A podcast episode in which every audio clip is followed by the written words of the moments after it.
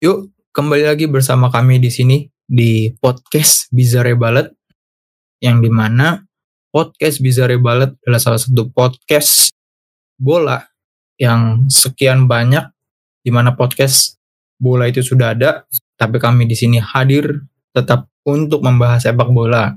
Barangkali di sini di podcast Bizarre Ballet ini kita punya sudut pandang yang berbeda dari podcast-podcast bola yang lainnya gitu. Ya harapannya sih begitu. Kalau sama ya, ya mau gimana gitu. Tapi kita berharapnya sih beda ya timnya. Iyalah.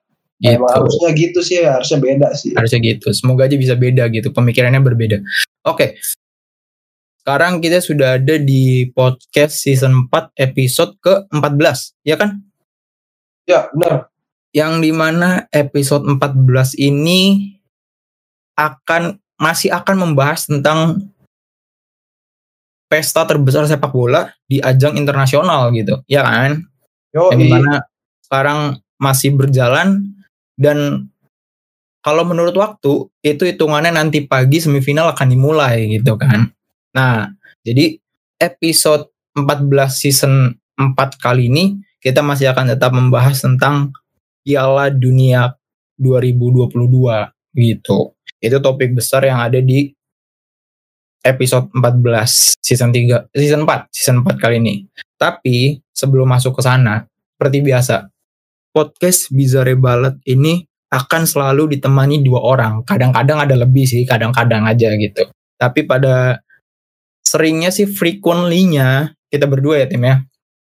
Yo, Yang di mana di sini kita akan membahas tentang Piala Dunia, tapi kita tidak langsung menuju ke semifinal gitu. Kita akan membahas part-part yang masih belum kita bahas gitu. Dan ya udah tanpa berlama-lama lagi nih di episode 14 season 3 kali ini ada siapa aja nih di sini nih? ada gua Jimmy Arden dan rekan gua. Aduh nggak dapet lagi. Santos, Santos, ya nggak dapet lagi. Andreas Royando gitu kan. Jadi ya udah, welcome to episode 14 season 4 gitu. Yang di mana punya bahasan tentang Piala Dunia. Udah disebutin tiga kali berarti tadi tentang Piala Dunia 2022 gitu. Topik besarnya sih itu. Tapi sebelum kita masuk ke topik besarnya, topik utamanya, dalam sepak bola itu pasti punya kebiasaan adalah pemanasannya dulu gitu. Jadi sebelum kita memulai ke kick off-nya, kalau dalam sepak bolanya kick off, kita mulai dari pemanasannya dulu gitu, sebelum mainnya dulu gitu. Mungkin tim lu ada yang mau dibawain gak nih tim berita-berita terhangat seputar entah seputar Piala Dunia atau yang lagi bertebaran aja gitu. Ada nggak? Ya, kalau gua sih ada nemu berita yang yang info yang menurut gua agak-agak random juga sih. Random ya. Yang yang di mana tadi ta- tadi pagi ya, kalau nggak salah gua nemu Oke. infonya yang di mana Ferran Torres telah menyelesaikan dua kursus pertama untuk menjadi pelatih jika dia ingin mengelola tim ketika dia pensiun. Menjadi pelatih. Jadi kursus kepelatihannya udah selesai da- dan mungkin ya tinggal nunggu lisensinya aja. Mungkin Waduh. gitulah, mungkin semacam itu. Cepet banget ya yang di mana umur masih muda ya sebagai pemain ya. Gak apa-apa, belajar, belajar hal baru juga nggak salah sih. Oh iya benar-benar. benar. Anjay. Udah itu aja tim. Oh iya, udah. Oke. Berarti giliran gua ya palingnya kalau dari gua, gua pengen bawain berita yang terbaru sih. Tapi ini bukan seputar tentang Piala Dunia ya. Seputar salah satu enggak enggak enggak seputar karena timnas ini sudah sudah keluar dikeluarkan di 8 besar kalau nggak salah sama Kroasia gitu kan. Gak tahu laranya siapa lah dia Oh, kan. iya, iya. Siapa timnas itu. Cuman berita terbarunya berit- entah ini benar atau enggak ya. Cuman sumbernya dari transfer market lah. Yang di mana timnas ini nih kebetulan baru ditinggal pelatih. Tahu kan yang dikalahin Kroasia di 8 Ya. 8 8, besar ya? 8 Iya besar. benar. Dia berseragam kuning, ciri-cirinya strikernya ada banyak, sayapnya ada banyak, tapi dikalahkan sama pemain-pemain tua gitu. Dia adalah Brazil. Padahal namanya Brazil, tapi dia nggak Brazil gitu kan. Anjay. Ya, jadi setelah kekalahannya ketika ber- berjumpa dengan Kroasia, kalah dan akhirnya harus pulang lebih dulu gitu kan sang pelatih dari Brazil ini juga pulang juga dari kursi kepelatihannya gitu. Yang di mana berarti saat ini kursi kepelatihannya Brazil itu sedang kosong gitu. Nah di mana ada salah satu orang yang tertarik untuk duduk di kursi kepelatihannya timnas Brazil ini gitu. Dia adalah sal salah seorang salah seorang pelatih yang punya karir luar biasa di klub dan sekarang klubnya itu yang masih dia dudukin adalah Real Madrid gitu. Dia adalah seorang Don Carlo gitu. Cuman ya sedikit pendapat dari gue sih sebenarnya gue nggak setuju aja. Belum belum waktunya lah untuk dia keluar gitu. Karena gue sih pengennya ya minimal satu musim satu musim lagi lah. Karena ini kan udah musim kedua ya timnya Don Carlo ya? Iya udah musim kedua. Ya udah musim kedua. Dan minimal satu musim lagi lah tujuannya kenapa satu musim agar Kamavinga sama Chouameni lah. Bisa lebih matang lagi gitu, bisa lebih dapat banyak insight dari dari si Don Carlo itu sendiri. Sekaligus ya karena Modric sama Cross ini kan masih udah mau pensiun juga.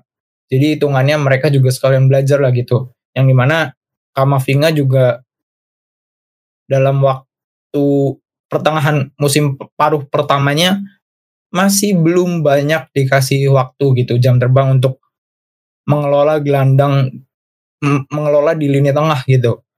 Makanya gue berharapnya ya sih minimal sih setelah Piala Dunia ini ada masih ada perputaran juga lah gitu. Jadi nggak Kamavinga ini nggak cuman duduk di bangku cadangan lah gitu. Ngerti nggak tim maksudnya tim? Ngerti ngerti ya ngerti gitu dia minimal satu musim lagi karena kan berjalannya timnas juga masih lama apalagi setelah Pildun juga masih bisa lah satu tahun untuk sebelum menuju ke Euro lah gitu.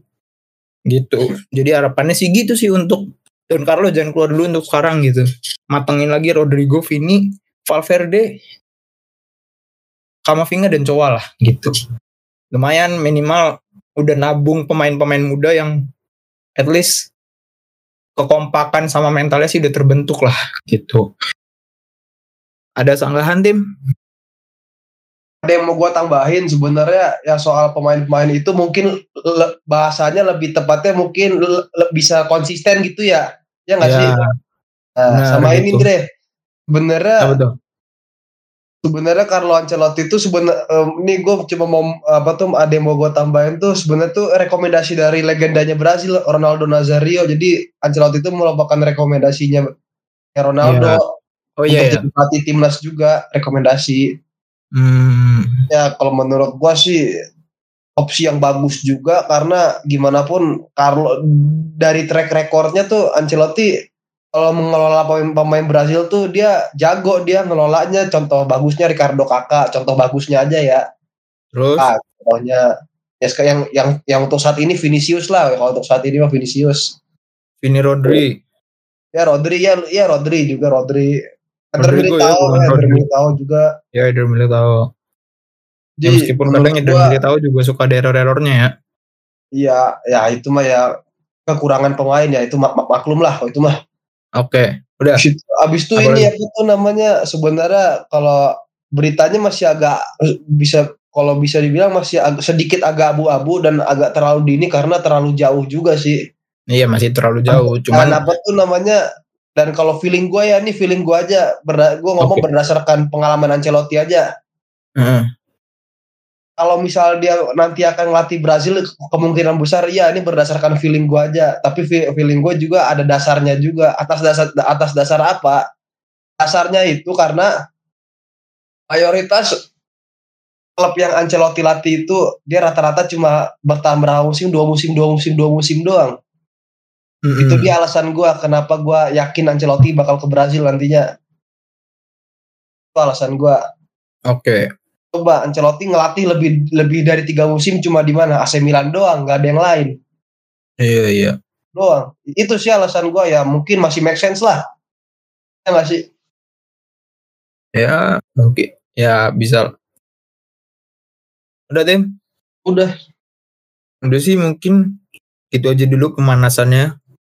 Kayaknya kalau dari pemanasannya sih udah cukup menarik gitu kan.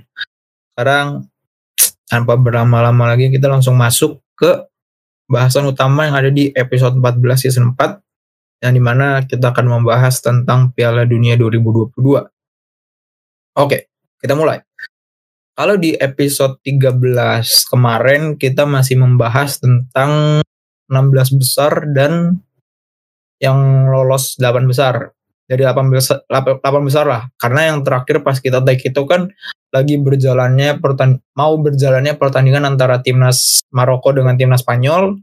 Paginya ada si Portugal dengan Swiss ya? Iya benar Swiss gitu. Di, di episode 13 itu. Dan sekarang di, kita sudah berada di episode 14 lagi dan lagi di episode 14 yang di mana di episode 14 ini kita akan membahas tentang tentang apa tim? Berarti tentang ini sih kita bahas sebenarnya preview preview semifinal sama recap quarter yang kemarin sih. Ya, berarti terlebih dahulu kita akan merecap dulu baru mereview semifinal gitu. Oke, tanpa berlama-lama lagi langsung masuk ke recap dulu kali ya. Recap dari 8 besar ya? Iya. Mau dari dulu dulu atau gue dulu tim? Dulu dah Andre. Gue dulu ya. Oke, okay, bentar gue buka jadwalnya dulu. Yang di mana delapan besar itu pertandingan paling seru ada ada Belanda. Oh, di delapan besar itu kan ada Belanda, Belanda Argentina, Kroasia Brazil, Inggris Prancis dan Maroko Portugal kan. Ya.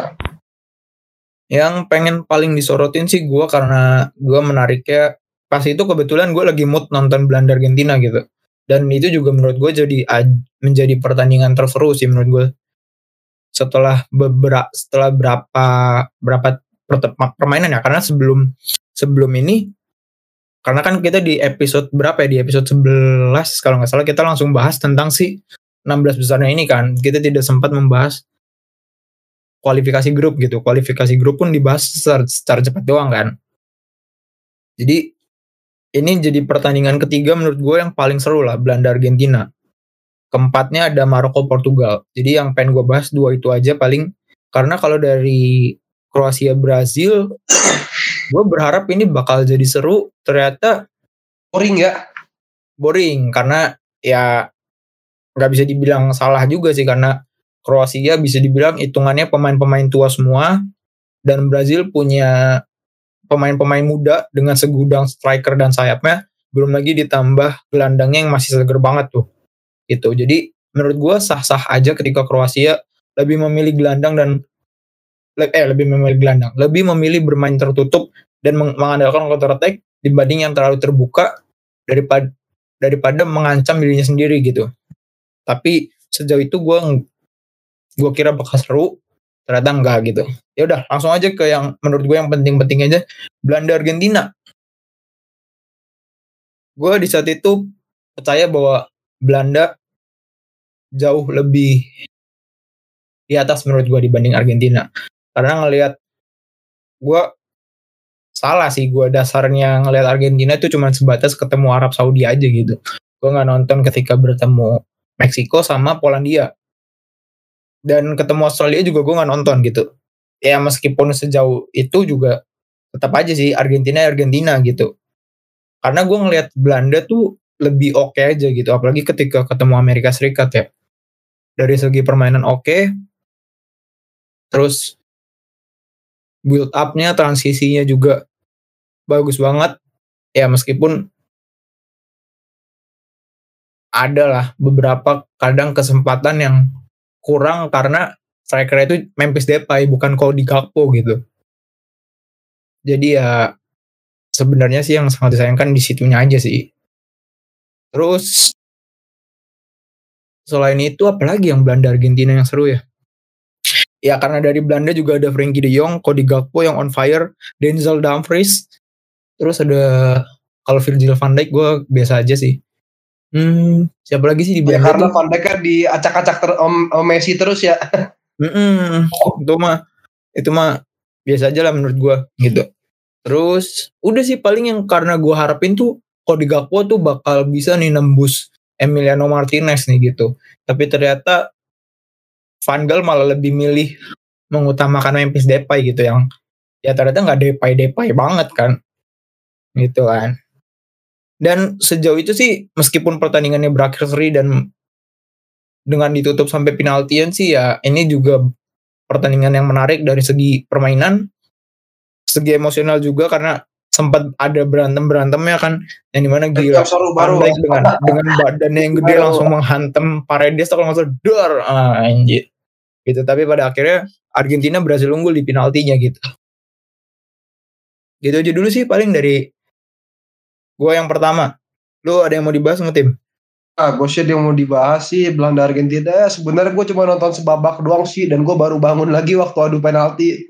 Karena ya emang Boleh, coba ada yang beda Nah, nggak nih? emang dasarnya kadang Argentina emang boring juga kadang nggak ada Lo Celso tuh emang hambar aja tengahnya Mm-mm. hambar aja sih seperti apa yang selalu gue bilang kenapa ya yang yang, yang ini gue mau review yang gue tonton aja ya. Ya seperti biasa Belanda main dengan jebakan Batman mereka yang yang mereka lakuin seperti mereka ketemu Amerika tapi saat mereka terapkan lawan Argentina ah mereka seperti seperti nggak seperti nggak sepenuhnya bisa ngelakuin itu mereka benar-benar digempur habis-habisan. Dan secara Argentina juga ada pemain yang visioner lah seperti Lionel Messi.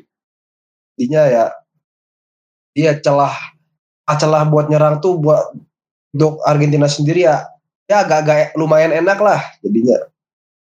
Oke, habis itu yang gua habis itu yang ya momen seru jelas yang kata apa tuh namanya yang ribut itu itu ributnya seru juga pandai. sih dan yang menghasilkan banjir kartu banget itu kartu kuning gila banyak banget coy Bukan kali banjir gol ya, 15, tapi banjir ya. kartu kuning ya. yang lebih 15 kartu kuning ya itu gila banget sih. Dan emang itu wasit emang wasit kemarin tuh kalau ya ini ini gue kenal banget sama ini wasit gue kenal banget karakternya sih. Ini kok wasit wasit La Liga juga Andre kebetulan. Oh iya, ini wasitnya juga emang emang kalau misalnya mau mau pelanggaran ringan sekalipun emang gampang banget ngeluarin kartu. Itu orang sensi banget kartu kuning gitu loh. Mm-mm. makanya ini orang dikritik sama Messi juga pas habis match dikritik juga. Gue lupa sih Messi ngekritiknya gimana juga. Intinya Messi kesel banget dah pokoknya. Oke. dan dan di hari itu juga gue nggak nyangka sih Messi bisa sekesal itu. Wah, apalagi dia am- am- sampai kesel sama pem- pemain Belanda sama pelatih Belanda.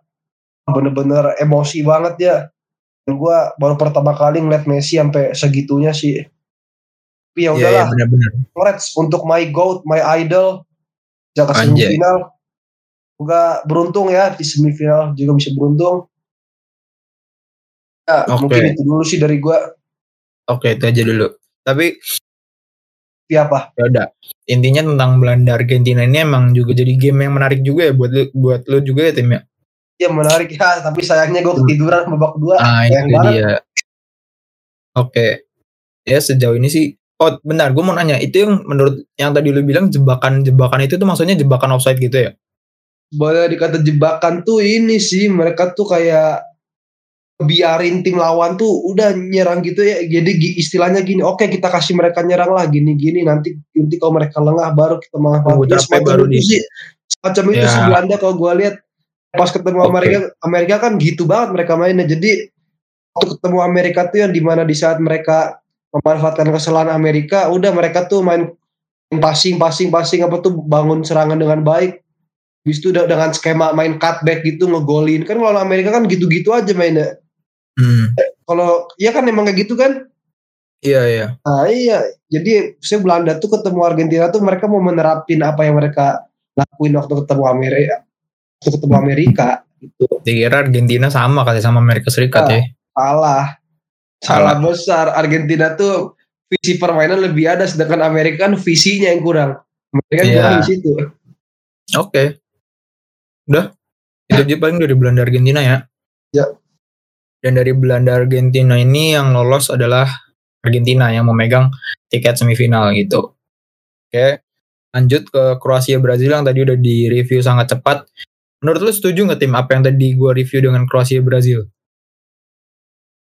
Oh, sebenarnya ya Kroasia ini salah satu ini tim yang yang gue kritik terus sih ini tim ini sebenarnya kualitasnya lumayan. Cuma Mm-mm. kalau bermain kayak gitu tuh apaan banget sih? Kayak, kayak contohnya lu ketemu Maroko yang tim Afrika aja masa lu mainnya kayak begitu, lu mainnya cenderung lebih nahan gitu. Siapa Lu- ini siapa?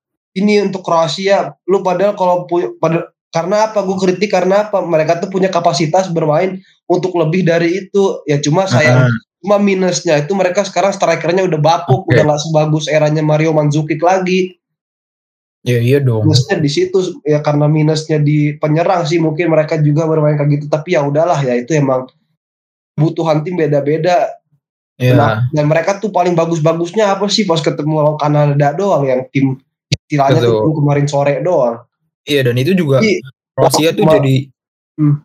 bentar, potong dikit Tim. Mengingat tadi lu ngomong bagusnya ketika lawan Kanada doang dan mengingat fakta bahwa sejauh ini sampai semi sampai 8 besar 8 besar ya 8 besar ini Kroasia itu baru menang sekali. Sisanya menang karena penalti. Ya jadi jatuhnya seri aja gitu ya? Istilahnya iya gitu tolong penalti aja. Gitu. Ya nggak sih? Ya bisa gitu dah tapi kalau dari Brazil gimana tim? Sebenarnya eh, ya, eh, sebelum ke Brazil ya jadi sebenarnya gue masih bahas Kroasia. Kroasia tuh kemarin Oke. tuh lebih bisanya mengimbangi sih hmm, imbangin Brazil imbangin dalam artian apa tuh mereka pintar dalam apa ya eh, pintar dalam apa tuh namanya eh, antisipasi serangan itu mungkin waktu mereka kejebolan tuh mereka agak lengah aja dengan permainan Brazil yang wah cantik banget sih itu kombinasi Rodrigo, Neymar, Paqueta, oh gila sih itu keren banget sih itu. Cuma sayangnya eh, Brazil itu nggak bisa mempertahankan keunggulan. Sayang Hmm. banget sih. Dan, dan Terus? kalau nggak salah tuh Militao sempat diganti sih ya, yang jadi bek kanan tuh diganti. Mungkin Brazil blunder di situ juga sih. Dan kalau nggak salah Militao juga tampil bagus jadi bek kanan. gue nggak tahu itu gue nggak tahu Nggak salah juga tampil bagus dia. oke Jadi ya mungkin waktu adu penalti itu mungkin ya Brazil kalah mental aja sih. Kalah mental Iya. aja. Dan pas itu juga pendang pertama Rodrigo ya Brazil ya. ah gue nggak nonton nggak ketiduran gue Iya dan dan dan ya itu mungkin ya, ya kalau nggak gol juga nggak apa-apa sih ya itu ya untuk pem- pembelajaran lagi lah. Dan juga Oke. lu masih muda, lu masih muda penendang penalti di adu penalti lu jadi yang pertama gak gol mah ya udahlah. Pengalaman Ya. juga belum belum banyak ya masih bisa ditoleransi. Setuju nggak Andre? betul kayak kayak kejadian Saka di Euro juga kan menurut gue ya Udah, masih wajar menurut gue Heeh. dia men- malah kena mental jadi penaltinya nggak fokus kan. Wajar masih muda. Kecuali kalau kayak Harry Kane pas lagi ketemu Perancis kan itu baru tolol gitu Ah, ya kan. sudah, ah, sudah lah itulah. Anjir. itu itu sedikit cutback mungkin ke udah udah Inggris cukup Prancis kali gitu. ya Kroasia Brasil Udah udah. cukup. Dan ya kalau menurut gue juga di sini juga emang bener apa yang kata Timmy bilang seharusnya sih sebenarnya oh gue tambahin dikit. Sebenarnya harusnya Brazil tuh lebih mudah memenangkan penalti ya karena mengingat striker striker mereka tuh meskipun apa ya yang gue bilang striker dan sayap mereka tuh sebenarnya nggak cuman jago dalam menggocek tapi at least eh bukan at least tapi mereka juga punya tendangan shot yang bagus juga gitu. Cuman sayangnya mungkin ya wajar juga sih karena banyaknya pemain-pemain muda gitu kan. Jadi agak tertekan lah dan belum terbiasa sampai penaltian gitu. Jadi ya mewajarkan aja mungkin Brazil gagal karena penalti gitu. Mengingat Kroasia yang di mana pemainnya tua-tua dan mentalnya emang udah terbentuk aja gitu mental bajanya. Apalagi di di skala yang lebih gede lagi kan. Gitu. Jadi ya udahlah Brazil akan kembali. Menurut gue Brazil Jepang Korea Selatan dan Amerika Serikat ini bakal lebih matang lagi karena pemain mudanya bakal lebih bersinar lagi untuk dipersiapkannya di level klubnya dulu lah. Baru nanti Piala Dunia mendatang pasti akan lebih matang lagi sih menurut gue. Gitu. Brazil tinggal campur tangan pelatihnya aja sih yang bakal bikin bener-bener serem lah gitu kan. Itu sih tim. Ya kan? Tuh dan di pertandingan kedua ini yang berhasil memegang tiket semifinal kedua adalah Kroasia. Jadinya di semifinal pertama akan ada akan mempertemukan antara Argentina dengan Kroasia gitu. Salah satu wakil dari satu-satunya wakil dari Amerika Selatan yang akan bertemu dengan salah satu eh, salah salah satu salah satu salah duanya dari wakil Eropa yang di mana dia adalah semi fin, finalis dari Piala Dunia 2018 ya kan? Gitu. Kroasia itu finalis dong, finalis ya, Piala iya Dunia. finalis. salah Iya. ter- semi eh, finalis dari Piala Dunia 2018 gitu. Oke. Lanjut berarti ke yang pertanyaan yang ketiga yang di mana ada Inggris Prancis. Kalau ini mau dari dulu atau dari gue dulu? Dari gua dulu lah, ini ini, ini gua nonton full nih baru nih. gas Inggris Prancis sebenarnya ya gue sempat feeling Inggris menang tapi feeling gue meleset. Ya tapi gue tetap dukung Prancis sih sebenarnya tetap Prancis sama ini ini Inggris nih gimana ya? Ah seperti biasa lah kalah. Itu mereka tuh apa ya? Mereka tuh terlalu cenderung ngejagain Dembele Mbappe banget terlalu cenderung ja- jagain Ya. sayap jadinya main kayak pemain lini tengah sama Oliver Giroud tuh kayak bebas gitu aja kayak lebih ya, leluasa free free aja gitu. Tapi nggak free free banget ya dalam artian Mm-mm. itu ya. Betul. Tuh di di apa ya jadinya boleh lah ngejagain pemain apa tuh pemain-pemain apa tuh pemain berbahaya mereka tapi lu jangan lupa pemain lainnya sama ibaratnya gimana ya? Lu main marking Messi tapi teman-teman Messi yang lain lu biarin. Ibaratnya gitu aja. Salah besar sih. Nah kesalahan besar. Gitu. Itu ternyata apa? Chouameni wah itu golnya keren juga sih. Gua akui keren itu. banget. Goal of the quarter final mungkin ya. Mungkin. Habis itu itu menurut gue gol gol tercantik nomor 2 setelah Richarlison. Richarlison sebelumnya ya? Kalau menurut gua oh tapi oh ya tapi oh ya Richarlison le- lebih sulit lagi itu ya golnya ya. Iya lebih sulit lagi lah. Habis itu apa tuh namanya yang golnya Giroud juga itu wah itu Theo Hernandez keren banget coy bola atasnya Hmm. keren banget itu. Maguire telat covernya itu Maguire juga telat covernya. Ya oke. Terus? Habis itu yang gue lihat juga Inggris tuh oh, menyerang tuh gimana ya? Ya eh, kurang banget gitu dan dan banyak momen yang di mana sebenarnya Inggris tuh penalti bisa empat kali sebenarnya di match itu. Cuma mereka cuma Betul. dikasih dua sisanya tuh wasit kayak ngebiarin gitu sama VAR-nya itu pas dicek wasitnya ngebiarin aja di- dibiarin aja. Jadi ada ada sempat sedikit kontroversi momen lah. Dan itu Ya. juga di mana satu Upamecano jelas nendang kaki kakinya siapa? Harry Kane Upamecano waktu itu tapi emang Ya. itu pemain jago banget sih emang Upamecano emang. Jago banget sih Perancis beruntung punya punya dia. Dia juga merupakan pemain yang berperan bawa Perancis jauh ini juga lah Upamecano. Dan Konde juga ah bermain lumayan cukup baik lah menghentikan pergerakannya. Siapa tuh? Back kiri itu siapa sih? Kemarin yang main Siapa? lupa lupa gue kemarin Si- yang starter siapa sih ya back kirinya siapa? Back kirinya oh, Inggris. yang ini ya, yang say- say- sayap kiri. Left wing left wing. Sayap. sayap kirinya Inggris. Iya. Foden. Oh iya Foden Foden. Iya Konde sempat ini Foden. Hmm. ya Konde juga bermain cukup baik ya Dembele. Begitu kelihatan lah tapi tapi sempat banyak melakukan supply bola cuma sayangnya gagal supply-nya. Yang gue Oke. paling apresiasi sih Chouameni lah jelas lah Chouameni bermain cukup baik lah. Chouameni Hmm. Oke Dan terus? Prancis juga kemarin cuma melakukan sekali pergantian doang sih cuma Dembele doang yang diganti ganti Kingsley Coman dan Kingsley Coman juga ya agak ya ny- lebihnya nyantai aja mainnya 10 menit terakhir kayak nyantai doang sih dia gue lihat. Dan beruntungnya saat itu juga waktu penalti kedua untuk Inggris nggak gol Harry Kane dan itu itu di situ Inggris gimana ya agak-agak kena mental juga ya hmm. ya udahlah ya selamat lah buat Prancis lolos semifinal. Ya. Ya, baru itu aja sih dari gue gue mau nambahin dikit. Apa nih? Sebenarnya kalau misalkan tadi yang Timmy bilang banyak peluang untuk Inggris bisa menang gue nggak setuju. Karena sebenarnya emang ada benernya cuman jatuhnya Inggris tuh menang karena penalti doang. Iya iya benar-benar. Dibalik dengan ap- apa dengan apa yang Timmy bilang bahwa emang Inggris kelihatannya ngejaga banget Mbappe sama Dembele yang emang di mana mereka punya speed dan dribbling yang luar biasa begitu juga dengan crossingnya gitu. Emang itu cukup mengkhawatirkan. Cuman yang benar juga kata Timi yang salahnya adalah mereka terlalu fokus sama dua ini dan menganggap remeh Giroud. Oke okay lah emang kalau Giroud tuh di Euro kemarin aja kan tidak berkontribusi apa apa gitu.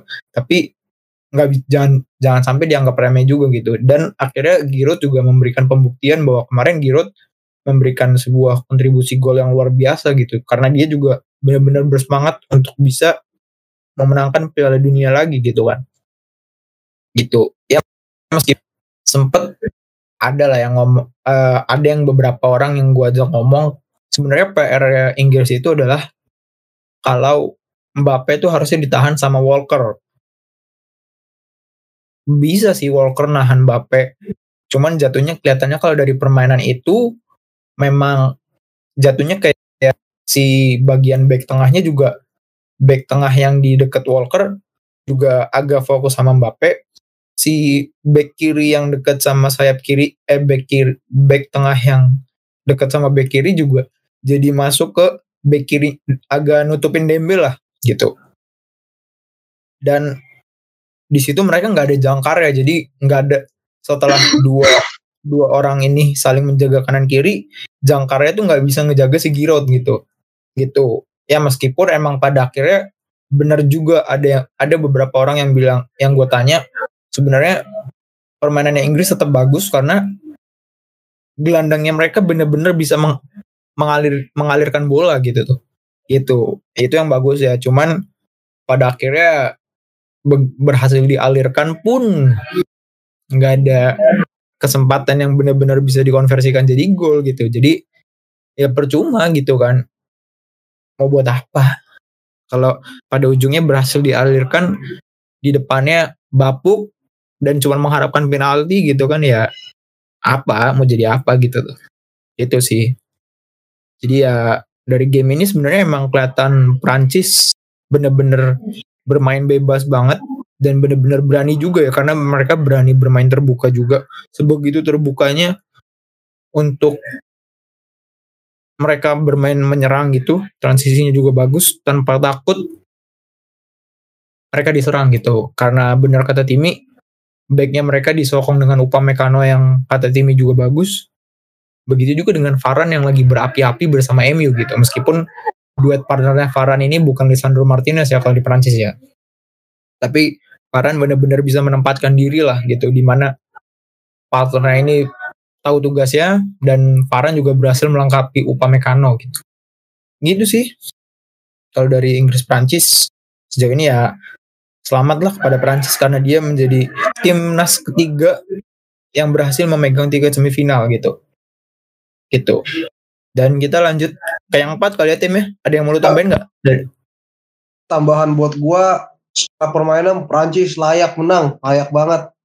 Ya. banget dan untuk Inggris ya ini sih mungkin it's not coming home ya. Mainannya harus diperbaikin lagi lah. Lu kalau mainnya cuma begitu-begitu aja dari tahun ke tahun mah mau mau kapan juaranya. Gitu yeah. aja. it's it's coming home ya Inggris ya. Tapi Inggrisnya bukan pialanya. Bukan go, going home udah pulang pulang. Uh, going home. Iya, it's coming home tapi bukan pialanya yang datang. Uh. Timnasnya gitu udah, udahlah itu oke okay. lanjut yang terakhir nih tim di bagian review dari quarter final gitu kan yang di mana di sini ada tim kesayangan gue yaitu Maroko dan Portugal silakan tim dimulai dari pre, uh, recap lo dari gue dulu nih iya dari lu dulu tadi kan di bracket deh. pertama gue di bracket kedua lo oh ya udah Nah, ini permainan yang salah satu permainan yang memuaskan juga buat gue karena jual beli serangannya juga mantap juga. Nah, tapi okay. gak tau kenapa sih gue kalau nonton bareng Portugal sama Andre kayaknya Portugal mainnya memuaskan terus sih kayaknya. Kalau bikin yeah. puas aja sih lihatnya. Menurut lu gitu ya? Iya anjay. Iya. Yeah, nah, dan gue lihat juga Portugal nih apa ya betul Joe Felix tuh banyak banget peluang tapi miss terus loh. Berarti Joe Felix nih bener-bener gak beruntung banget, bener-bener haknya tuh kurang banget, hokinya tuh kurang banget. asli kurang banget hokinya dan apa tuh Bruno juga udah banyak melakukan suplai bola dengan baik cuma sayangnya ya yang nyambut juga kurang maksimal lah Maroko seperti biasa selalu disip, disiplinnya tinggi dan apa tuh transisi menyerangnya cukup baik apalagi Koval sama Hakim Ziyech nih keren juga sih apa tuh kombinasinya juga malah juga malah juga mainnya lumayan lah buat gua sama Unahi juga nih. Kalau Achraf kemarin sih ya so-so lah kalau Achraf kemarin. Tapi yang paling gua apresiasi sih back kirinya eh bukan paling apresiasi tapi gimana ya dan nggak lupa juga mengapresiasi pemain Maroko yang namanya namanya ya Allah yang nomor 25 tuh yang back kirinya Maroko itu Abiat Allah. Iya itu dia yang kemarin juga bisa bantu transisi serangan dengan baik juga. Hmm. Dan yang, yang di situ? Yang gol Enesri juga keren sih itu lompatannya keren juga sih itu coy. Gokil, ya gokil. lumayan tinggi juga lah lompatannya. Betul. Dan, dan yang gua dan yang gue salut seperti biasa Maroko nggak parkir bus ini ini gue salut baru nih nah yeah. karena mereka emang punya kapasitas kapasitas yang bagus untuk menyerang sih Maroko ini dan uh -huh. Dan yang seperti dan ya dan yang seperti gue prediksi Maroko lolos ternyata sampai semifinal coy tapi ya tapi orang yang benar-benar prediksi Maroko sampai final tuh Eto'o sih Eto'o yeah, benar benar benar benar benar Pieto nah. itu kan prediksinya ngasal-ngasalan doang. Dia tuh prediksi berdasarkan African Pride doang. Ah iya betul. Nah, berdasarkan itu. berdasarkan apa yang dia suka aja. betul. Itu rada kocak juga sih. yang benar cuma Maroko nyampe semifinal. Eh, tangga hmm. sih dia prediksi sampai final. Cuma nggak tahu deh nanti itu benar apa enggak. Waduh. Waduh. Aduh. Waduh, waduh, waduh, waduh nih namanya. Dia prediksinya pas itu final Kamerun Maroko. Ah, Kamerun dia aja udah pulang. Ya, ya, ya. Oke, lanjut tim. Tapi ya, tapi intinya di match di match kemarin itu Portugal kurang beruntung aja, hokinya kurang. Udah sih itu aja gua. Itu udah sih baru itu aja. Dari itu gua. Aja. Oke. Kalau dari gua sebagai fans Portugal itu sendiri Nah, kebetulan karena ini juga ada hadir di episode ini, gua pertama-tama mau bahas tentang dulu Maroko. Bener apa yang tadi Timi udah bilang udah highlight bener kata Timi setuju gue Maroko di sini bener-bener sebagai tim underdog.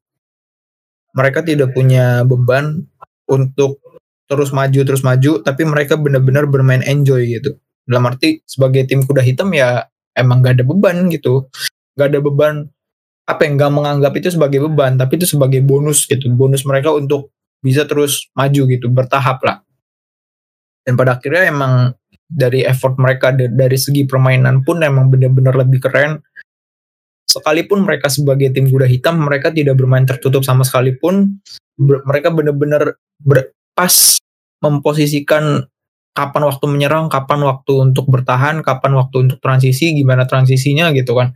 Ini salah satu pelatih yang benar-benar berhasil banget nih apalagi ini kan pengalaman pertamanya Wahid Reg Regrui ya? Namanya Wahid Regrui ya? Iya Benar. gitu. Dari meskipun emang di sini emang inilah bagus ya Maroko ini menurut gua. Mereka punya pemain bintang yang sedikit tapi sekalipun mereka punya pemain bintang pelatihnya ini emang punya kecerdasan lain gitu. Dalam arti tidak terpatok sama pemain bintangnya aja. Tapi emang mereka uh, si pelatihnya ini bener-bener murni punya taktik yang bagus. Ditambah lagi dengan pemain bintang berhasil mengarahkan pemain bintang dan pemain bintangnya ini juga berhasil memberikan improvisasi yang lebih matang lagi aja gitu kan. Karena di Maroko bukan cuma ada Hakim Ziyech dan Akraf Hakimi tapi ada Yosef Enesri Yasin Bono ada Mazraoui ya meskipun yang harus digantikan sama Atiat Allah ya. Gitu kan? Terus ada siapa lagi tim? Prabat ya enggak maksudnya yang yang mereka pemain-pemain yang udah berhasil yang sukses sampai di Eropa gitu kan. Tapi itulah bagus ya Wahid Regru ini benar-benar bisa membina dan benar-benar memberikan permainan yang menarik aja gitu. Makanya menurut gue pertandingan Maroko Portugal ini jadi permainan ketiga menurut gue yang terbagus lah gitu, paling memuaskan lah. Ya meskipun emang di situ ternyata yang gak gue sangka-sangka bahwa Maroko berhasil mengalahkan Spanyol dan lagi-lagi datang sebagai kuda hitam berhasil mengalahkan Portugal gitu, yang di mana Portugal kan digadang-gadang sama media jadi bakal jadi salah satu finalis yang ideal akan bertemu Argentina kan. Cuman ya sayangnya harapan itu harus pupus karena permainan cantiknya Maroko emang bener-bener permainannya cantik sih emang bener-bener nggak bikin bosen lah meskipun itu harus berhadapan dengan Portugal gitu. Nah dengan harus berhadapan Portu Portugal ya mengingat Portugal lawan Swiss itu berhasil berakhir 6-1 yang di mana mereka benar-benar bermain bagus sih. Sayangnya gue nggak nonton aja gitu. Jadi cuman mendengar dari pendapat orang bahwa di sini juga Portugal bermain bagus. Apalagi di sini ketika bertemu Swiss, Ronaldo dimainkan sebagai starting, starting bench ya, bukan starting tim utama. Dan berhasil dimainkannya di menit 70 gitu. Dan penggantinya Ronaldo itu Hugo siapa ya? Gonzalo Ramos. Gonzalo Ramos. Gonzalo Ramos berhasil menciptakan hat trick gitu. Cuman sayangnya ketika bertemu Maroko, bener yang kata Timi bilang, peluang-peluang yang hampir menjadi sebuah gol itu cuma berakhir sampai hampir aja gitu. Ada yang kena tiang, tiang atas itu kalau misalkan lu lagi ikut pertandingan apa namanya? Yang kalau di crossbar eh crossbar ya? Bukan crossbar sih yang kata Bono, yang kata Bono flying safe gitu, yang kata save terbang Bukan, itu bukan. Maksudnya kalau misalkan lu challenge yang nendang ke tiang atas tuh, itu namanya crossbar ya? Crossbar challenge ya. Ya, kalau kalau Portugal ikut itu Joao Felix pasti jadi juara satu tuh karena itu Ya sama juga Bruno ya. Bruno Bruno Fernandes yang dari samping dia itu bagus itu bagus tapi kalau dalam konteks sepak bola ya udah itu akhirnya tidak berhasil aja gitu jadinya kan Hmm. dan kebetulan emang Portugal juga benar-benar menampilkan permainan yang bagus juga. Cuman sayangnya ya tidak beserta dengan Dewi Fortuna aja gitu yang memberikan keberuntungan gitu. Makanya meskipun dari beberapa kesempatan yang berhasil transisi yang dibuat oleh Portugal berhasil sampai menjadikan peluang cuman ya pada akhirnya gagal eksekusi aja gitu. Dan di situ Gonzalo Ramos menurut gua kurang jadi rada turun yang di mana Joao Felix sama Bruno Fernandes di situ lebih kelihatan aja lebih oke mainnya gitu. Mereka lebih ngotot. Dan apalagi ya? Ya pada akhirnya sih ya kelihatan kayak agak menurun aja gitu. Meskipun di sini kayaknya Maroko emang bener-bener gara-gara Marokonya bermain enjoy dan Portugalnya bermain karena punya beban untuk terus maju terus maju tapi jatuhnya ya ya udah gitu. Keberuntung keberuntungannya Maroko emang lebih gede aja daripada Portugal gitu. Karena golnya Yosef Enesri yang sundulan itu emang bener-bener wah juga sih dan membuat rasanya sih kalau kita pun sebagai kiper jadi Rui Patri eh siapa sih itu? Diogo ini ya? Diogo Costa, Diogo. Diego Costa ya? Dia kalau kita impersonate Diego Costa juga bakal jadi kaget juga kan ngelihat sundulan yang sebegitu atas ya. Terus juga matang juga kan umpan dari siapa? Hakim Ziyech tuh kalau nggak salah Kom- dari ini dari siapa tuh umpannya tuh dari kalau salah tuh Iya, dari back kirinya Maroko yang siapa tuh? Back kirinya. Atiat Allah. Etiat Allah ya itu dia. ya gitu. Ya jadi ya di sini Portugal harus harus berhenti gitu kan. Padahal harapan gua gua berharap bakal jadi final ideal bakal terjadi nih gitu kan. Tapi ya ternyata hal itu harus dipupuskan oleh Maroko gitu kan. Jadi pada akhirnya permainan ini emang permainan bagus dua tim ini emang benar-benar menghasilkan buka tutup buka tutup buka tutup. Transisi transisi transisi yang benar-benar keren. Dari permainannya Hakim Ziyech, Achraf Hakimi, Atiat Allah, Yosef Enesri, bahkan Yasin Bono dari Portugal ada Joao Felix, ada Bruno Fernandes, ada Vitinha maupun Bernardo Silva yang benar-benar bisa memberikan sebuah peluang ruang dan tembakan tapi hal itu harus dihentikan oleh Maroko gitu yang berhasil menciptakan sebuah gol.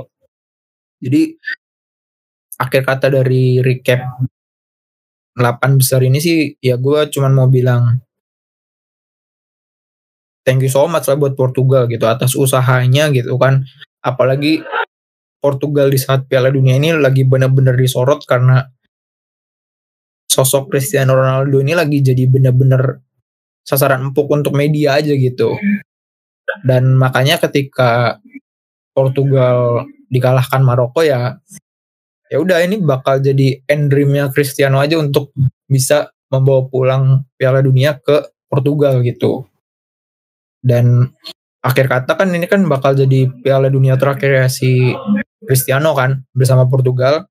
Ya meskipun kesempatannya katanya Euro, dia masih bakal main kemungkinannya. Tapi ini bakal jadi permainan terakhirnya di Piala Dunia.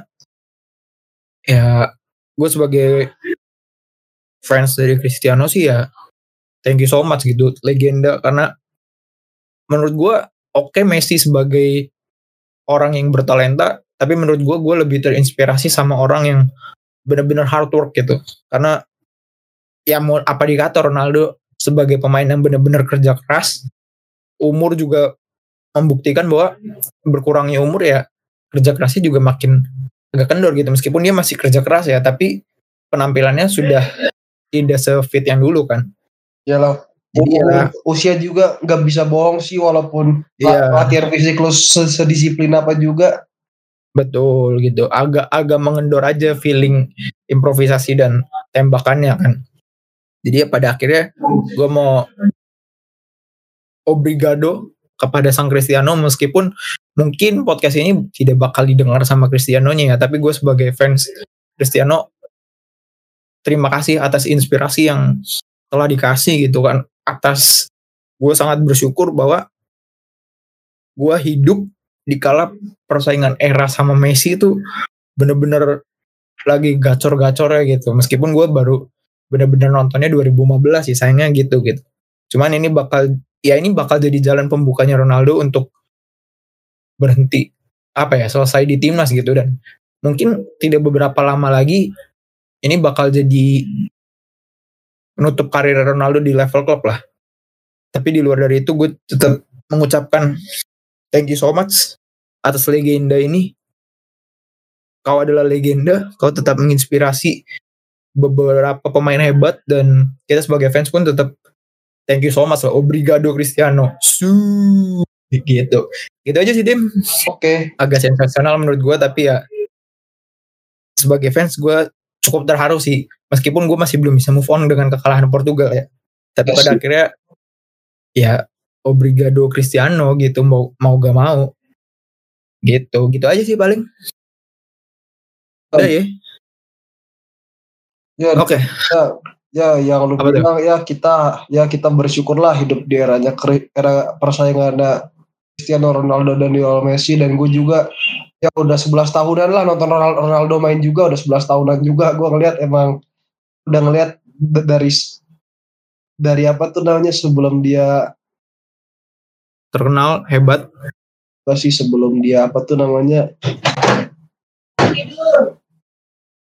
apa sebelum mencapai apa tuh namanya sebelum mencapai prime prime nya lah waktu masih berproses uh. juga waktu masih yeah. waktu masih apa tuh namanya masih berjuang menangin Champions League tapi belum dapat dapat. Nah itu gue udah jadi hmm. saksinya juga sih. Ya. Itu juga. Nah, abis itu waktu dia sebelum dapat Euro juga gue udah ngelihat perjuangannya gimana. Betul. Ya, walaupun gue fans Messi, gue juga tetap respect lah sama Cristiano Ronaldo dari apa yang dia raih selama ini dalam karirnya juga. Betul. Juga luar biasa lah. Berkat kerja kerasnya ya. Iya berhasil memberikan persaingan kepada Messi yang di mana persaingan ini tidak berhenti cuma satu tahun atau dua tahun bahkan tiga tahun tapi sampai 16 tahun kalau nggak salah ya kurang ya kurang lebih kayaknya segitu kayaknya ya gitu. segitu sih kok nggak salah memberikan persaingan bahkan fans-fansnya yang benar-benar fanatik pun sampai sampai saking saling membuli lah ya gitu kan ya gitu dia itu aja sih paling perjalanan uh, Obrigado legend gitu kan sebagai fans gue sih tetap respect tetap cinta banget karena telah menginspirasi ya timnya. Oh iya. Oke, kita sebagai generasi yang 2000 apalagi pecinta sepak bola yang lahir tahun 2000 tuh sangat bersyukur banget bisa ngelihat dua god ini saling bersaing ya. Meskipun pada akhirnya Ronaldo harus terhenti terhenti langkahnya di Piala Dunia dan Messi masih bisa berjuang untuk membuat membawa pulang trofi Piala Dunia gitu. Gitu. Meskipun menurut gua kayaknya kalau gua ada berbeda pendapat. Nah, karena ngomongin semifinal Piala Dunia 2022, kita langsung masuk aja ke semifinal Piala semifinal Piala Dunia 2022. Dimulai dari bracket pertama, yang di mana bracket pertama ini adalah Argentina dengan Kroasia. Mulai dari gue dulu kali ya. Iya, dulu. Bracket pertama di mana Argentina Kroasia ini gue punya pemikiran yang agak berbeda ini murni bukan karena gue membenci Messi ya gue sangat respect Messi gue juga sangat suka sangat suka dalam arti permainannya bukan sama orangnya. Maksudnya sebagai dia sebagai pemain karena dia pemain bertalenta dengan gayanya dia gitu kan. Tapi entah kenapa di kepala gue kayaknya sih game ini rekat pertama ini akan dimenangkan Kroasia sih. Ngelihat Brazil segitu banyaknya pemain yang bisa dibilang lagi prime-prime-nya lagi bersinar-bersinarnya lagi matang-matangnya dengan gaya permainannya Kroasia berhasil memberi memberikan sentakan lah kepada Brazil gitu. Nah mengingat Kroasia bertemu Argentina ini gue khawatir ya takutnya nanti Kroasia memainkan metode yang sama ketika bertemu Brazil. Defending, mengharapkan penalti bukan maksudnya berakhir sampai penaltian cuman sayangnya kipernya Kroasia ini lebih unggul aja dibanding Emiliano. Ini murni pemikiran gue ya. Meskipun kayaknya sih ini bakal feeling gue Argentina sih bakal lolos dengan tipis atau enggak ya paling jauh ya beda 2-0 lah gitu tuh. Tapi entah kenapa di feeling gue yang lain mengatakan bahwa Kroasia akan menggunakan metode yang sama dengan ketika bertemu Brasil gitu. Karena dengan speed striker Argentina sayap Argentina mungkin Arge, uh, Kroasia akan belajar dari tekniknya Arab Saudi untuk bagaimana cara menggunakan jebakan offside. Terus bagaimana defendingnya gitu. Jangan sampai kesalahan yang kayak Inggris lakukan jangan sampai Kroasia lakukan gitu gitu sih paling sejauh ini sih. Meskipun gimana Argentina tuh nggak bawa di bala ya? Bawa di bala bawa kok. Oh cuman nggak dipakai ya? Ya kadang-kadang ya super sub sih. Soalnya Argentina tuh yang yang inti tuh Julian Alvarez yang main inti. Oh iya. Harusnya sih sayangnya sih gue kayaknya lebih ngelihat lebih mending milih di bala dibanding Lautaro Martinez ya. Cuman hmm. ya pemikiran gila gue sih kayaknya sih feeling gue sih mengatakan Kroasia sih di sini sih. Coba kalau dari gue gitu dulu mungkin kalau dari lu nih tim ada yang bisa lu tambahin nggak? Enggak, kok gue sih ini match balas dendam untuk Argentina sendiri ya karena Argentina sendiri sebelumnya pertemuan terakhir waktu di Piala Dunia sebelumnya di fase grup mereka tuh dikalahkan Kroasia 3-0 itu kalahan memalukan dan itu lawak banget itu match paling lawak di Piala 2018 yang pernah gue tuh lawak banget asli lawak. siapa yang kalahnya Argen yang kalah Argen kalah 3-0 tuh lawak banget mm-hmm. di mana pas itu kiper masih Caballero blunder banget abis itu pemain-pemain dari Liga Argentina tuh dipanggil kayak siapa nama eh, pemain-pemain yang gak jelas juga dipanggil gitu waktu pelatihnya ya agak-agak badut juga sih pelatihnya emang Eranya okay. siapa tuh zamannya si Sampaoli itu ah emang emang banget. Oh, Sampaoli juga. Ya, tapi sekarang ya sekarang sama Scaloni udah berevolusi lebih baik lah. Pasti. Ya, ya kalau dari Argentina ya, ya secara mentalitas mereka sudah udah lebih baik lah intinya. Jadi rasa di match ini ini 50-50 match tetap ya 50-50 50-50 kalau menurut lu ya. 50-50. Jadi gue melihat di sini mungkin Kroasia bakal main yang kayak nahan gitu sih. Jadi Argentina tuh gue rasa mereka tuh ini sih harus banyak main long shoot juga atau enggak mereka lakukan metode gini sih man to man marking Kroasia sih. To man marking Oke. juga itu opsi yang bagus juga buat Argen. Ya, mungkin kuncinya tuh matikan pergerakan Modric karena Kroasia tuh digendong Modric banget juga sih. Digendong Betul. Modric juga sih. Tapi jangan lupa Kovacic juga. Kovacic kan jangan dibiarin juga itu Gi- gimana pun juga dia kayak jelajah Kovacic juga bagus gitu-gitu. Oke. Itu apalagi ya. Dan dan gua dan dan Argen harus at least harus unggul duluan nih. Unggul duluan dan Buat jadi penentu ya, penentu Iya. mental. dan dan apa tuh harapan gua Lisandro Martinez tetap bermain dengan bagus, tetap banyak ngeblok serangan berbahaya dari Kroasia gitu.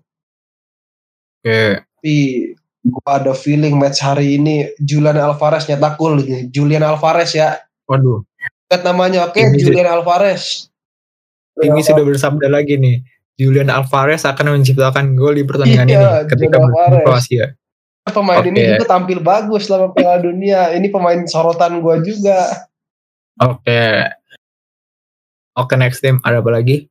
Nah, tambahannya sih paling ini sih eh apa tuh namanya kalau tambahan dari gue sih ya semoga matchnya seru lah jangan agak-agak alot gitu kan agak-agak Oke. alot itu aja sih Oke. Oh ya, gue sedikit kepikiran lagi. Ada pikiran gila lagi yang baru lewat tiba-tiba. Gue khawatirnya eh, Kroasia ini menerapkan apa yang Belanda lakukan gitu. Cuman yang gue prediksi ini adalah ketika nanti di babak pertama Kroasia berhasil bermain menutup, jadi main aman dulu, main aman. Nah nanti ketika Argentina udah capek, baru nih di babak kedua mereka mulai sedikit demi sedikit bermain lebih kebuka tapi sedikit demi sedikit perlahan demi perlahan waktu demi waktu gitu sampai pada akhirnya di menit 80 mungkin 80 kayaknya agak tertutup lagi setelah menciptakan satu angka gitu. Oke siapa ini juga bisa jadi penentu sih siapa yang akan menciptakan gol pertama ini bakal jadi penentu banget nih gitu tuh. Tapi feeling gue sih nanti di babak kedua sedikit demi sedikit akan terbuka tapi lama-lama nanti nutup lagi nih untuk menjaga si agar Messi sama si siapa si Lautaro Martinez ataupun si Papu Gomez tidak tidak terlalu terbuka lah gitu. Gue khawatirnya gitu sih. Ini bakal jadi El Clasico versi timnas gitu yang El di mana Clasico timnas ya El Clasico timnas. Versi timnas yang di mana di sini akan ada akan mempertemukan antara Modric dengan Lionel Messi kan? The real ten nih the real ten. Oh iya iya. Gitu sih tim kalau dari gue tambahin sih. Iya gak sih? Ya ya begitulah pokoknya. Gitu. Tapi pada akhirnya oh, oke nanti aja nanti nanti dipotong. Berarti lu masih 50-50 kalau di sini. 50 karena Kroasia Hmm. juga eh, apa tuh namanya eh, bisa dibilang eh, eh, agak-agak berbahaya juga sama Ya, biarkan mereka sampai extra time dah itu aja sih menurut gue mah. oke. Oke, oke. Ini Oke. mereka tuh kalau extra time pasti bakal ngincer penalti banget yakin banget gua. Iya, itu itu kan modelannya kayak begitu waktu zamannya di Rusia mereka kan dua kali adu penalti kalau nggak salah tuh dua kali adu penalti ya Ah. kalau nggak salah juga Iya, makanya. Hmm. Oke, defend dulu sampai pada menit terakhir di titik darah yang terakhir baru tuh penalti tuh di situ jadi kuncinya Kroasia tuh pasti. Gue juga setuju sama apa yang lu bilang tuh tim. Gitu. Hmm. Jadi pokoknya di bracket pertama ini antara Argentina Kroasia ini masih 50-50 lo tim. Yalah pastilah Oke. Bagaimana kalau di bracket yang kedua dengan Prancis Maroko? Menurut lu ini apakah juga 50-50 atau ada yang berbeda menurut pendapat lu nih? Coba langsung nih dari timnya di Prancis Maroko.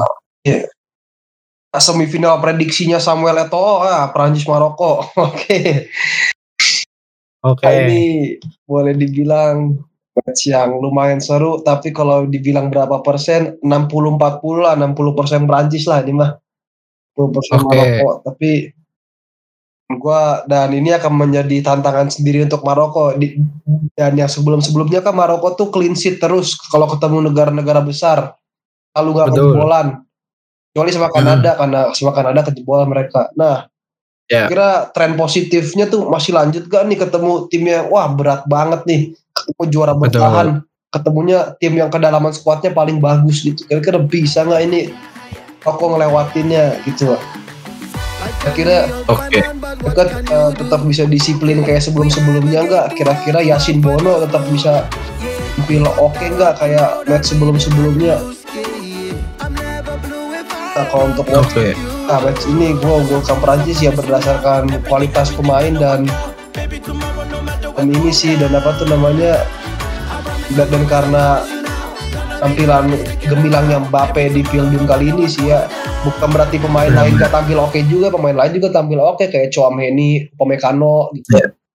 Tapi tapi emang timingnya Mbappe tuh lagi bersinar banget ya. Apalagi dia juga jadi top scorer gol kan, gol top scorer gitu juga kan. Iya top scorer juga dia dan Oliver Giroud juga tampil wah luar biasa juga Giroud gak kalah bagus lah. Ya. Kalau yang di Piala 2018 Giroud cuma dapat tiba-tiba dapat piala, di sini Giroud membuktikan bahwa Giroud bukan cuma menikmati piala tapi dia juga berusaha untuk dapat piala ya timnya. Ya dan bisa berkontribusi juga lah gitu. Betul. Udah, itu aja tim.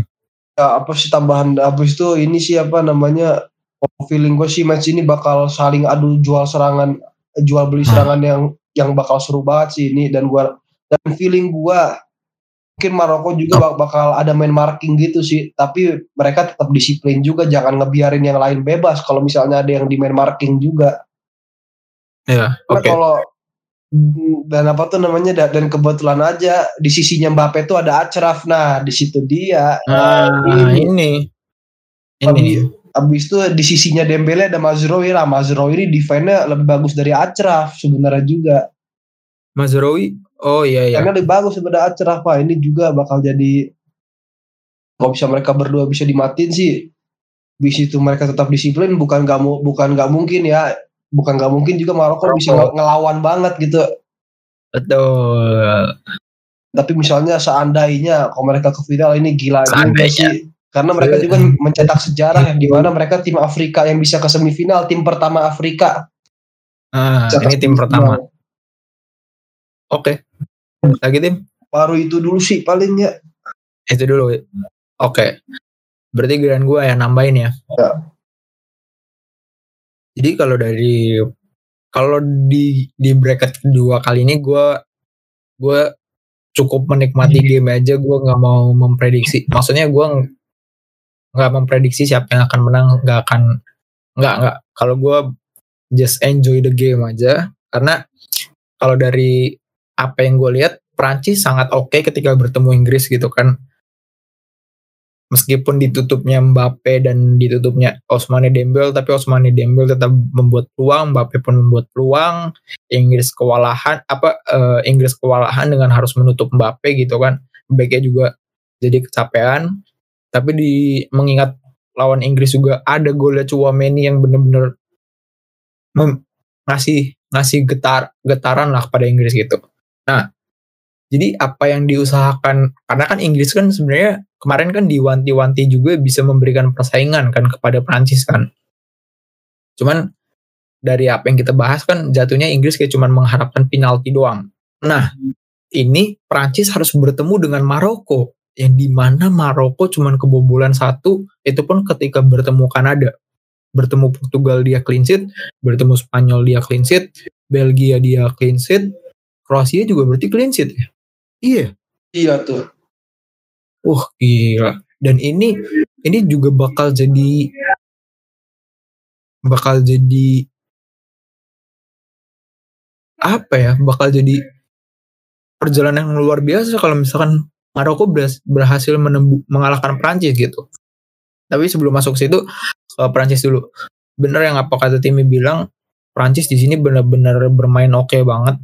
Mereka benar-benar mainnya juga bagus meskipun tanpa hadirnya Benzema, tanpa hadirnya Julius Kounde, eh Julius Kounde.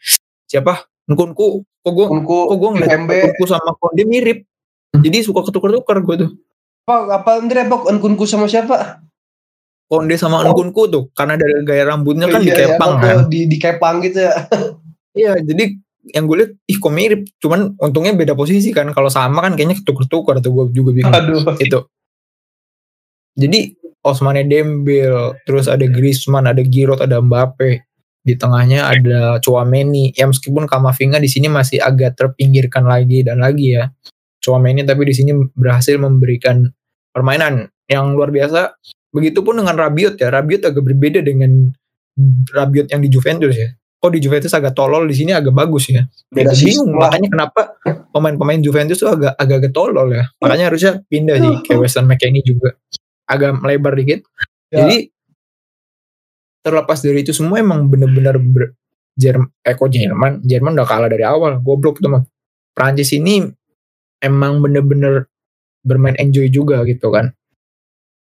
Mereka nggak ada beban ya seperti yang ap- apa sih yang mau kita harapkan dari Prancis dari masing-masing pemain udah punya jam terbangnya sendiri. Chemistry-nya juga bagus. Terus mereka ketika mereka mau A di eh, teman-teman yang lainnya juga A. Ketika teman-temannya B B gitu. Udah udah nyambung lah koneksinya. Chemistry-nya nyambung gitu komunikasinya ada. Nah jadi ya kalau misalkan Prancis menang kita juga nggak kaget ya kan? Tapi kalau misalkan Maroko yang menang nih karena menurut gue Maroko agak gimana ya?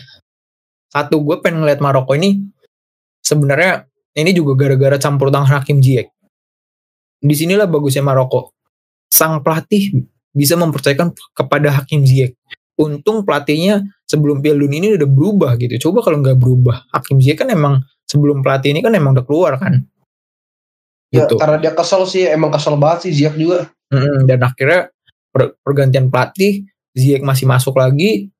Dan ini juga harusnya sih menurut gue ya harusnya di sini. Gue pengen pengen nyentil Ziyech dulu. Dalam arti bukan Ziyechnya. Klub yang punya Ziyech harusnya lu sadar dong. Eh Ziyech ini bermain bagus loh. Kenapa nggak dipercaya? Kenapa disandingkan sama Sterling? Lagi lagi soal Sterling gitu kan. Karena harusnya karena di klub orang yang pakai Ziyech itu cuma Ten Hag doang, yang bener-bener pakai ya. Ten Hag doang udah. Padahal, ya maksud gue harusnya setelah dari apalagi kalau misalkan Maroko berhasil sampai finalis itu itu menurut gue Ziyech juga emang udah bagus banget gitu. Nggak se- nggak finalis aja tuh Ziyech tuh emang performanya udah oke banget. Tapi semoga sih dengan dengan sampai entah Ziyech semifinalis atau finalis harusnya sih apa yang Chelsea lihat harusnya bisa lebih sadar lagi lah. Potter jangan yang bener lah jangan terlalu Sterling Sterling yang hobinya kayak Starling gitu kan Ya, nggak jelas terlalu kan menganak emaskan orang Inggris gitu ya. Iya maksudnya make sense make sense aja lah. Hakim Ziyech siap memberikan segalanya kepada Chelsea. Cuman sayangnya Chelsea tidak melihat hal itu kepada Hakim Ziyech gitu. Itu satu. Eh meskipun agak di luar konteks ya. Tapi di sini balik lagi ke Hakim Ziyech yang ada di Maroko emang benar-benar keren banget. Sama Hakimi pun meskipun mereka di posisi yang berbeda, tapi sama-sama di daerah kanan, tetap memberikan sentuhan yang bagus. Di kirinya juga meskipun Mazraoui ketika bertemu Portugal harus digantikan dengan Atiat Allah karena Mazraoui cedera. Tapi eh, Atiat Allah juga tetap memberikan permainan yang bagus gitu. Benar-benar bisa ngejaga gitu. Ngejaga Bruno Fernandes, ngejaga Joao Felix gitu kan, Gonzalo Ramos gitu. Benar-benar punya permainan yang bagus lah, visi misinya bagus. Di, benar kata Timi, yang Timi bilang disiplinnya juga bagus gitu. Nah, yang gua setuju sama Timi juga bahwa nanti Maroko sama Prancis ini bisa seimbang dari segi transisi. Yang di mana yang gue takut Hakimi bisa nanti nutup Mbappe, Mazraoui ataupun Atiat Allah, siapa pun itu yang main nanti, bisa nutup si Osmane Dembele. Nah ini yang buat gue, ih iya benar juga apa yang kata Timi bilang ya. Ya meskipun back tengahnya tuh ya solid sih, ya udah Solid. clean sheet sa- sampai sekarang clean sheet ya terbilang solid lah gitu kan.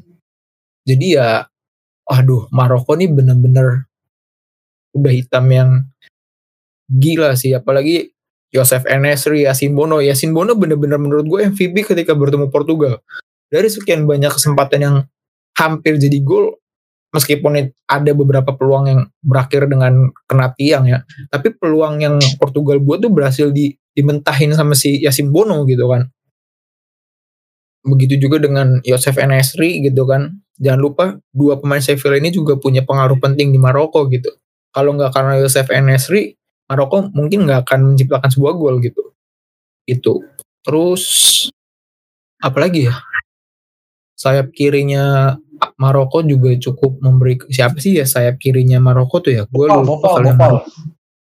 Bopal ya Bopal Bopal. temennya Dudu berarti ini. Iya. itu Gopal itu Gopal.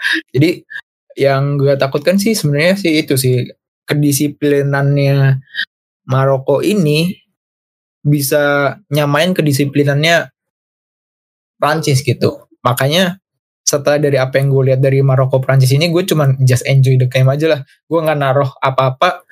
Dan pertandingan ini semoga benar-benar bisa ngasih jadi menurut menurut gue ya bakal jadi pertandingan terbaik nomor 5 lah karena di nomor 4-nya bakal ada Argentina sama Kroasia sih. Ya semoga kalau Kroasianya nggak main yang kayak Brazil ketika lawan Brazil Brazil banget ya. Gitu. Jadi ya ini bakal jadi permainan yang semoga sih. Jadi gua gua nggak di di bracket kedua ini gua nggak naruh siapa-siapa, gue just enjoy the game aja. Dan ketika nanti game ini dimainkan, gue sangat menunggu-nunggu Hakim Ziyech nih. Karena Hakim Ziyech itu juga termasuk favorit gue yang yang potensinya entah dari dari dari mana ya? Dari apa sih? Free kick free kick dia bisa ngasih sebuah dari bola mati dia bisa jadi umpan entah umpan ataupun jadi gol gitu kan. Karena di Piala Dunia ini sendiri pun dari kualifikasi grup sampai sekarang pun ada tuh tendangan Ziyech yang dari free kick pada akhirnya mengarah ke gawang tapi berhasil dimentahkan kiper. Jangankan dimentahkan kiper, nyampe bisa ke arah gawang aja itu, itu udah luar biasa banget gitu kan. Jadi ya gue sangat menantikan di sini juga duel duel dua pertemanan nih yang satu klub yang sama nih antara Achraf Hakimi dengan Kylian Mbappe gitu kan. Terus ada apa lagi ya? Udah sih paling itu aja dari Prancis Maroko. Gitu kali tim. Ada yang mau lu tambahin dari pendapat gue tim? Nah, kalau kalau ada yang mau tambahin sih paling ya gue tetap unggulkan Prancis. Prancis ya. Tetap Prancis tapi Maroko jika ingin bisa apa tuh misal jika misalnya kalau jika ingin menang mungkin mereka harus mungkin ya harus lebih banyak bermain oportunis soalnya banyak banyak banyak main bola atas aja lah kalau enggak banyak main long shoot aja lah apalagi lu ketemu back modelan kayak Upamecano yang itu fisik ya, ya, ya, yang apa tuh namanya modelannya monster banget lah itu orang gila aja Upa, Upa Mekano sama Varan dari segi ten, Ya. dari loncatan dan Iya. ngehalangin pun cukup Konde bagus lah, ya Konde lagi lah Iya. tambah Konde oh ya benar juga tuh berarti berarti Maroko jangan cuma ngarep, ngarepin bola dari sayap ke tengah tapi harus juga long shoot ya Long iya shoot, benar-benar bola itu gua- ya, ya pokoknya Iya. inilah bermain yang agak-agak lebih oportunis aja lah gitu sih kalau menurut gua karena yakin pemain kayak Upamecano tuh disiplin banget gue udah ngeliat itu sejak dia masih di Leipzig Oke. Oke sih. Jadi mungkin itu dulu aja yang kita bahas tentang recap dari 8 besar dan review dari 4 empat besar atau semifinal gitu kan. Dan kita akan menutup menutupnya jadi bracket pertama ini akan dimenangkan siapa nih tim Argentina Kroasia? Insya Allah Argentina dah Insya Allah Argentina Argentina oke dan bracket keduanya akan dimenangkan Prancis berarti. Oke, berarti final final yang menurut final yang akan terjadi menurut Timi antara satu wakil dari Amerika Selatan dengan satu wakil dari Eropa. Wah, iya Ya. nih finalnya dominan dominan PSG ini finalnya Ya, betul. Yang di mana berarti perebutan juara ketiganya akan diperebutkan oleh antara Kroasia dengan Maroko gitu ya. ntar Maroko juara tiganya kalau gitu Waduh, waduh, waduh, waduh, waduh, waduh. Ah. Iya, Ah. iya by the way Maroko Kroasia kan segrup ya di Piala Dunia segrup ya Oh iya, iya segrup ketemu lagi gitu. Lagi ya. Oke, berarti closing statement dari gue, gue bukan membenci Messi, tapi menurut gue, gue punya pikiran gila sendiri dan gue percaya kayaknya di sini, saya sorry ya tim ya, bukan karena gue benci Messi ya, tahu gue ngerti tapi di sini Kroasia akan bermain yang kayak Brazil lagi dan akhirnya mengujung berharap sama penalti sih. Dan di situ Livakovic lebih siap daripada Emiliano Martinez gitu menurut gua. Jadi tiket pertama akan menjadi finalis adalah Kroasia. Kalau Prancis Maroko karena tadi gue enjoy the game, tapi gue berharap kalau ini lebih berharap ke Maroko sih. Oh, Jadi iya. nanti perebutan juara tiganya eh, eh Maroko yang akan jadi memegang finalis tiket kedua yang di mana berarti nanti di pertandingan perebutan juara tiga akan ada Argentina dengan Prancis yang Anjir, mungkin di sini baru menang Argentina nih nggak menutup kemungkinan juga Prancis sih Balikan Iya. berarti kita kebalikan gitu ya. ya cuman ini ini mah kalau yang Argentina Kroasia kan pikiran gila gue kan gue lebih percaya apa yang gue lihat setelah Kroasia bertemu Brasil gitu. Gitu aja sih tim. Berarti final dari lu eh perebutan juara tiganya akan ada Kroasia dengan Maroko finalnya si Argentina dengan Prancis. Kalau gua sebaliknya gitu. Gitu ya kan tim ya? Ya. jadi dengan closing statement yang ada di episode 14 season 4 itu akan menjadi closing statement yang ada di episode 14 season 4 gitu kan. Jadi ya kita akan menunggu gitu karena nanti pagi jam 2 pagi tepat jam 2 pagi ini kita akan menyaksikan antara Argentina Kroasia gitu. Nah, meskipun mungkin Prancis dan Maroko ha- masih harus menunggu besoknya, tapi juga kalian juga jangan cuma dengerin doang, kalian boleh langsung kalau mau lebih interaktif lagi, kalian boleh langsung ke Instagramnya Bizarre Ballet dengan nama Baler Ballet. Nah, di situ kalian akan melihat mungkin akan melihat konten-konten dari Baler Baler Ballet gitu kan, Baler Ballet dan kalian di situ boleh komen dan mari kita bercakap-cakap langsung gitu menurut pemikiran kalian dan menurut pemikiran kita. Jadi mungkin itu aja dulu dari episode 14 season 4 ya tim ya. Dan sampai jumpa di episode berikutnya. Sampai jumpa. Sampai jumpa.